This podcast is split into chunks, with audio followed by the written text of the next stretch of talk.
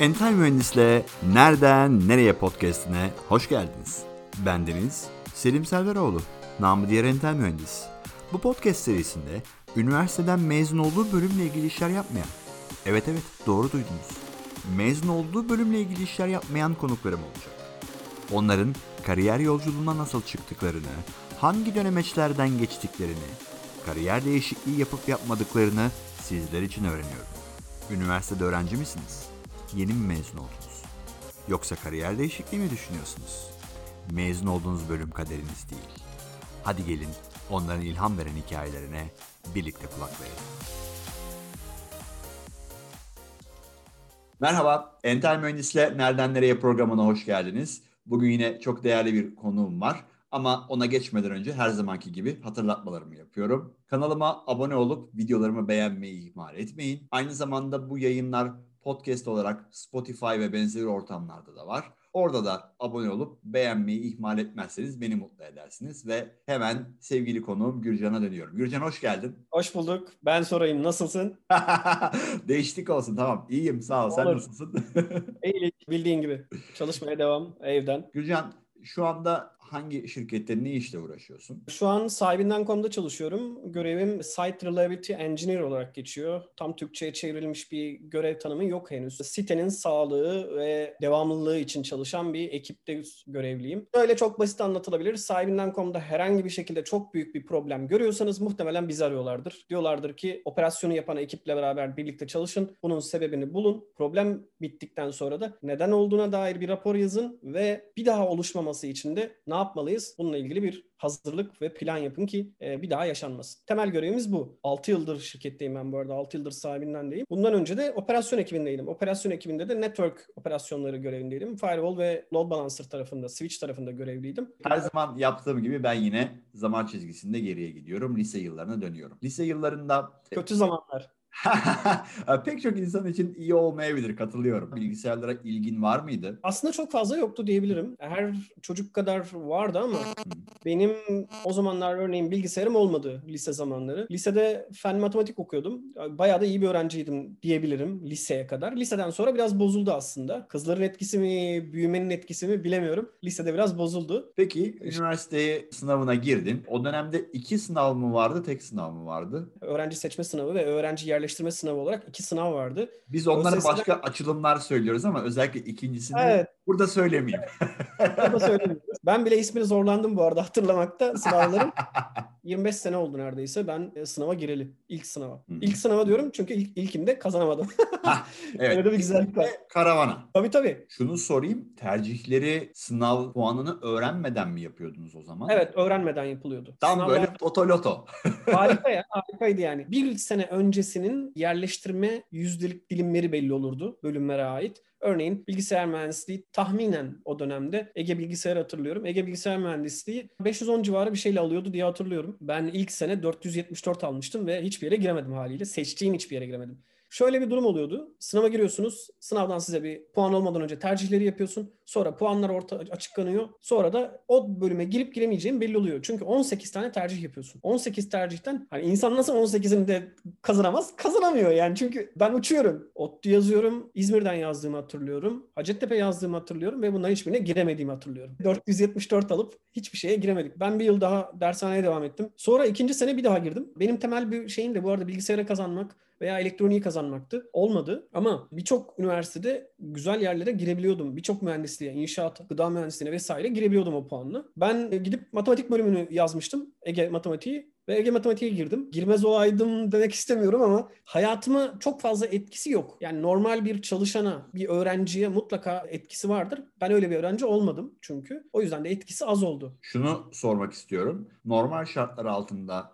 ülkemizdeki veya dünyadaki matematik bölümü mezunu bir insan hangi alanda nasıl çalışır? Şimdi Öğretmenlik bizim... yapabilir belki bilmiyorum. İlk aklıma Yok, gelenlerden öyle. birisi o. Benim dönemimde matematik bölümü öğrencilerine üç temel bölüm ayrılırdı. İkinci sınıftan sonra, üçüncü sınıftan itibaren. Uygulama ağırlıklı, teorik ağırlıklı ve bilgisayar bilimleri ağırlık. Bilgisayar bilimlerine geçtikleri zaman programlamayla ve matematikle ilgili, bilgisayarla ilgili şeyleri alıyorlar. Teorik ise biraz daha akademisyenlik, teoremler vesaire ile ilgiliydi diye hatırlıyorum. Uygulamalı ağırlıklı da açıkçası hatırlamıyorum. Ben oraya da geçemedim çünkü ikinci sınıfı geçemedim ben hiç. Ben onu da söyleyeyim. Matematik bölümüne girdim ben ama matematik bölümünü bitirmedim. Onu da şimdi açacağım. Harika olacak. O, o kısım Tabii, bile. tabii, İkinci uzun sınıfa kadar okudun. Belli ki bölüm Evet, seni bizde- çok sardı.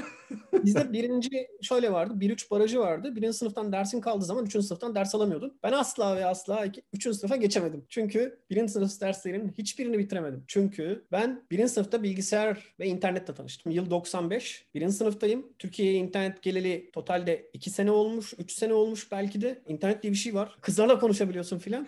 Ama doğal olarak öyle başlıyor. Ben bilgisayar laboratuvarına gittim. İnternet diye bir şey varmış. Öğrenmek için gittim. Birinci uğraşma, ikinci uğraşma, bir hafta onunla uğraş, bir ay. Daha sonra ben dersleri boş verdim. Linux'la ilgilenmeye başladık. Gerçekten de çok yeniydi. Dünyada Linux'un zaten henüz başlaması 91 yılı. Biz 95 yılında, 96 yılında Linux kullanmaya başlamıştık. Okulun bilgisayarlarını bozup bilgisayar laboratuvarının bir sürü bilgisayarını da silip Windows'ları Linux kurduk. 2-3 arkadaş. Hala da o arkadaşlar sektörde olanlar var. Bilgisayar sistemlerine, internete alışkanlığım ve girişim karar vermem böyle başladı. Bir yandan da tabii okulu bitiremedim bu sebepten dolayı. Bir bilgisayar şirketinde tanıdıklarım vardı. Onlarla da internet üzerinden tanışıyorduk. Türkiye'nin birkaç ISP'sinden biriydi. O sırada ISP dediğin kavram şu ankinden çok çok farklı tabii ki. Gelişmiş elemanda, yetişmiş elemanda çok fazla yok haliyle. Ben madem dedim hani bunu iş haline getirmeyi istiyorum. Artık matematik bölümünden mezun olamayacağım kesinleştiği için. Bir şirkete vardı, arkadaşlarım vardı. Onlar ekip olarak ayrıldılar şirketten. Biz de başvurduk. Yine bir ekip olarak bir iki arkadaş. CV'siz gittim tabii şirkete oraya.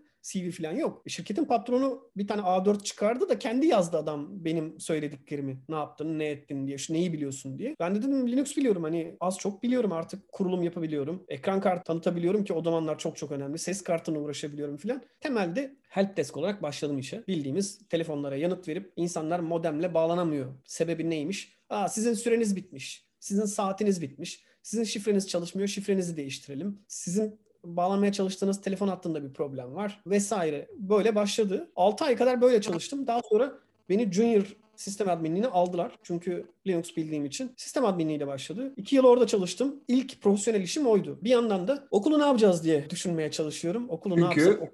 tahminimce o arada askerlik baskısı geliyor. Yaylalar yaylalar Asker- veya gelmek üzere. Yok. Henüz askerlik baskısı yok. Erteleyebiliyoruz. Problem sadece askerlik değil. Problem Türkiye'de 4 yıllık üniversiteden mezun olmayla olmamanın arasındaki statü fark. Maalesef bize dayatılan ve şu andaki gençlere de dayatılan üniversitenin mezun ol dayatması. Yurt dışında bu kadar dayatma var mı bilmiyorum. Ülkeye göre Yok. değişiyordur mu? Almanya'da yok yani kesinlikle yok. Bu dayatmanın biraz psikolojik ve sosyolojik şeyleri sebebiyle tekrar ÖYS. Bu kez bilgisayar programcılığına gireyim. 2 yıl ya da bilgisayar donanımı bölümü vardı. Oraya gireyim. Kendimi programcılık hakkında bilgisayar konusunda biraz geliştireyim. Bir yandan da okula 4 yıllığa geçerim belki diye planlar yapıyorum. Tabii planlar hiçbir zaman tutmaz. Çünkü çalışmayan bir öğrenciyim ben. Tembelim. Kafası çalışıyor da hani çalışmıyor derler ya. Tembel derler ya. O benim işte galiba. Şöyle Ee, derler ya bizim oğlan veya bizim kız çok Kafası- zeki ama ders çalışmıyor. Çalışsa zehir gibi olacak. Yine 18 tercih. Bu kez 18. tercihe ben su ürünleri yazdım. Ege Üniversitesi su ürünleri bölümünü yazdım. 4 yıllık ve ben buraya girdim. Hayatımda ben bu kadar eğlendiğim bir bölüm hatırlamıyorum. Çok farklı bir dünya. Balıklar, biyoloji, mikrobiyoloji, balık hastalıkları, navigasyon, gemi makineleri, denizcilik, meteoroloji, hukuk. Ben bu dersleri aldım. İnanılmaz büyük bir çerçevesi var. Türkiye'de hiç değer verilmeyen bir meslek ve eğitim kolu maalesef. Harika bir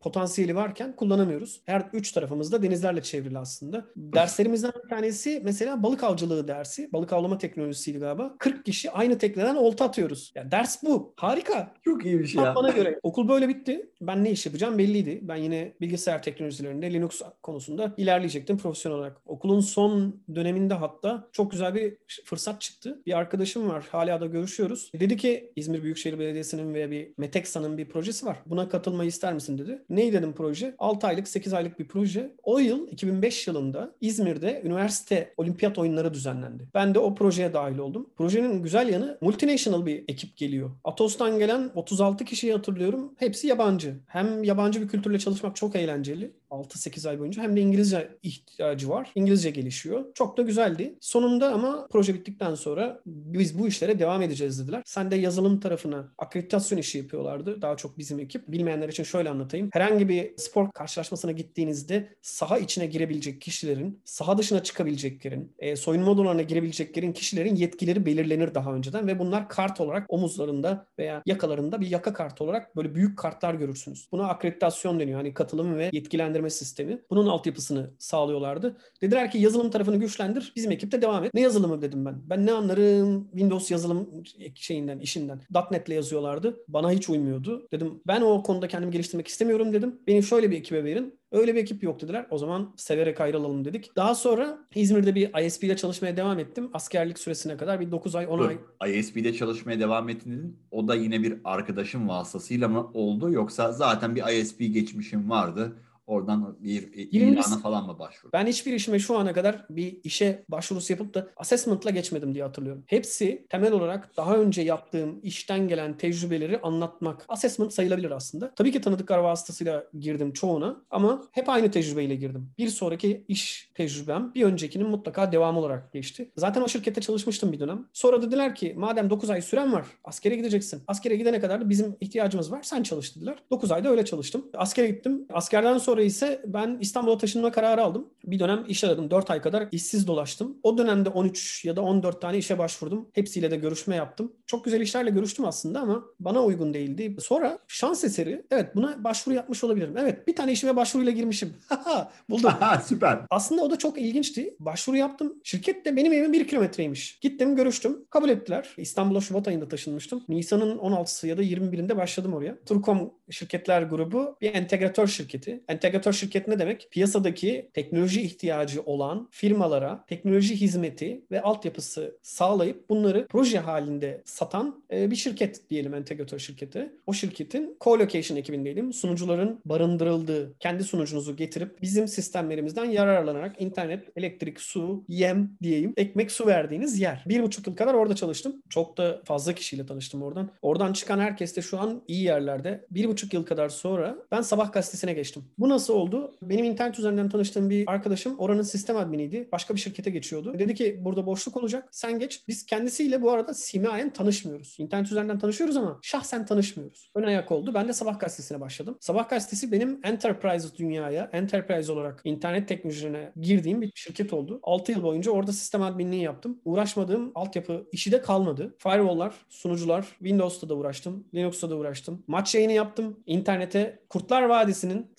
sabah.com.tr üzerinden yayınını ben yapmıştım mesela. Çok uğraştığımı hatırlıyorum. Sağ olsun bir müdürüm vardı. İkimiz uğraşıyorduk. O zamanlar ATV'deydi Türkiye milli maçların yayınları. Onların yayını ben yaptım. Daha sonra 2014 yılında sahibinden.com'dan bir o zamanki müdürüm bir teklif yaptı. Sahibinden.com'da çalışıyordu o sırada ve beni işe aldılar. Orada tabii 6 yıldır çalışıyorum. Her şeyle ben uğraştım. Switch'lerle ben uğraştım. Firewall'larla ben uğraştım. Load balancer'larla ben uğraştım. Linux sunucularla da uğraştım. Genel olarak çoğu şeyle uğraştım. Son işte 2 aydır da görev değişikliğim var. Altyapı geliştirme çalışmalarına destek veriyorum. Şöyle özetleyeyim. İzleyici kitlesi buradaki teknik konuşmalarımızı bizim anlamakta zorlanabilir. Çok da normal. Sahibinden.com ve benzeri elektronik ticaret siteleri aslında sadece bir bilgisayar üzerinden çalışmıyor. Arka planda bir sunucu çiftliği var. Tam Türkçe tabirle. Büyük- büyük çok evde kullandığınız bilgisayarlardan yüzlerce olduğunu düşün. Özel odalarda, özel soğutmalarda. Bunlar için ayrı bizim harici diskler, kullandığımız diskler var veri depolamak için. Onlar için çok daha özel makineler var.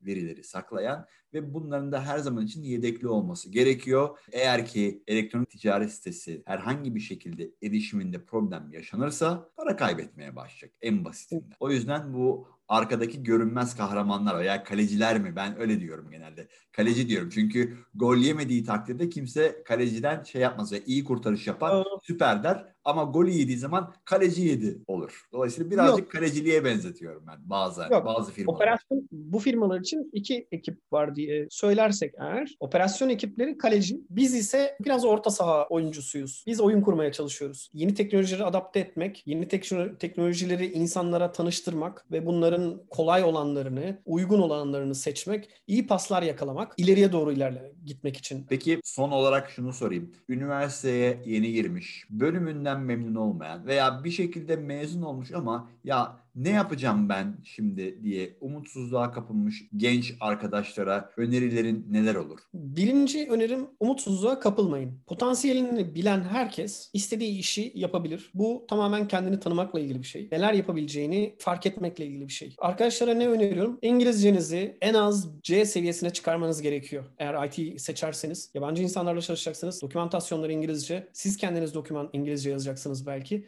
Bütün dünya İngilizce konuşuyor. Sadece Türkçe ile iş yapamazsınız. Hatta ikinci bir dil öğrenmeye çalışın. Ben şu an örneğin İspanyolca deniyorum. Başka önerim eskiden şöyle diyordum. Herkes bilgisayar bilmeli diyordum. Bilgisayar okur yazarı olmalı diyordum. Sizin önünüze bir bilgisayar koyduğunuzda temel işlevlerinizi yazı yazma, hesap yapma, rapor hazırlama, grafik hazırlama gibi özellikleri kullanabileceğiniz programları öğrenin. Çünkü iş hayatınızda önünüze mutlaka çıkacak. Kişisel olarak konuşmayı sevin. Bütün IT dünyasında bizi nerd olarak gösterseler de biz konuşmayı, eğlenmeyi seven insanlarız. Benim bütün günüm neredeyse insanlarla konuşma üzerine geçiyor. Sadece bilgisayar kullanmıyorum ben. İş yerinde de sorunları anlamak, soruna çözüm üretmek, toplantılara girip kendi derdini anlatmak, dinlemek üzerine işler yapıyoruz. İnsanları dinlemeyi ve kendi yorumlarınızı, kendi düşündüklerinizi de korkmadan mutlaka savunun. Kararlı olun. Nereden mezun olduğunuz çok önemli değil. Bazı işler için elbette. Doktorluk için saymıyorum. Ya da inşaat mühendisliğe gidip de ben inşaat mühendisi olayım demiyorum. Ama şu var.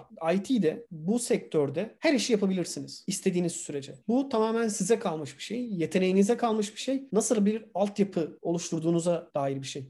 Elbette ben işte şu bölümden mezun oldum hemen şu işi yapayım diye bir şey yok. Çabalamak zorundasınız. Öğrenmek zorundasınız uğraşmak zorundasınız. E, temelde de neyi yapmak istiyorsanız, neye yönelmek istiyorsanız onu deneyin, yanılın, yenilin ama mutlaka çalışın. Söyleyebileceklerim bunlar. Çok teşekkür ediyorum Gülcan'cığım. Çok ben keyifli bir yayın oldu. Benim ee, için de İnşallah pandemiden sonra yüz yüze görüşüp bir çay kahve de içeriz. Umarım umarım görüşürüz tekrar. Çok teşekkürler. İyi akşamlar. İyi akşamlar. Görüşmek üzere. Ve bir yayının daha sonuna geldik. Vakit ayırdığınız için teşekkür ederim. Beni Entel Mühendis adıyla sosyal ağlardan ve entelmühendis.com adresli blogumdan takip etmeyi ihmal etmeyin. Ayrıca bu podcast serisine abone olmayı da unutmayın. Görüşmek üzere. Bunu saymayız, yine bekleriz.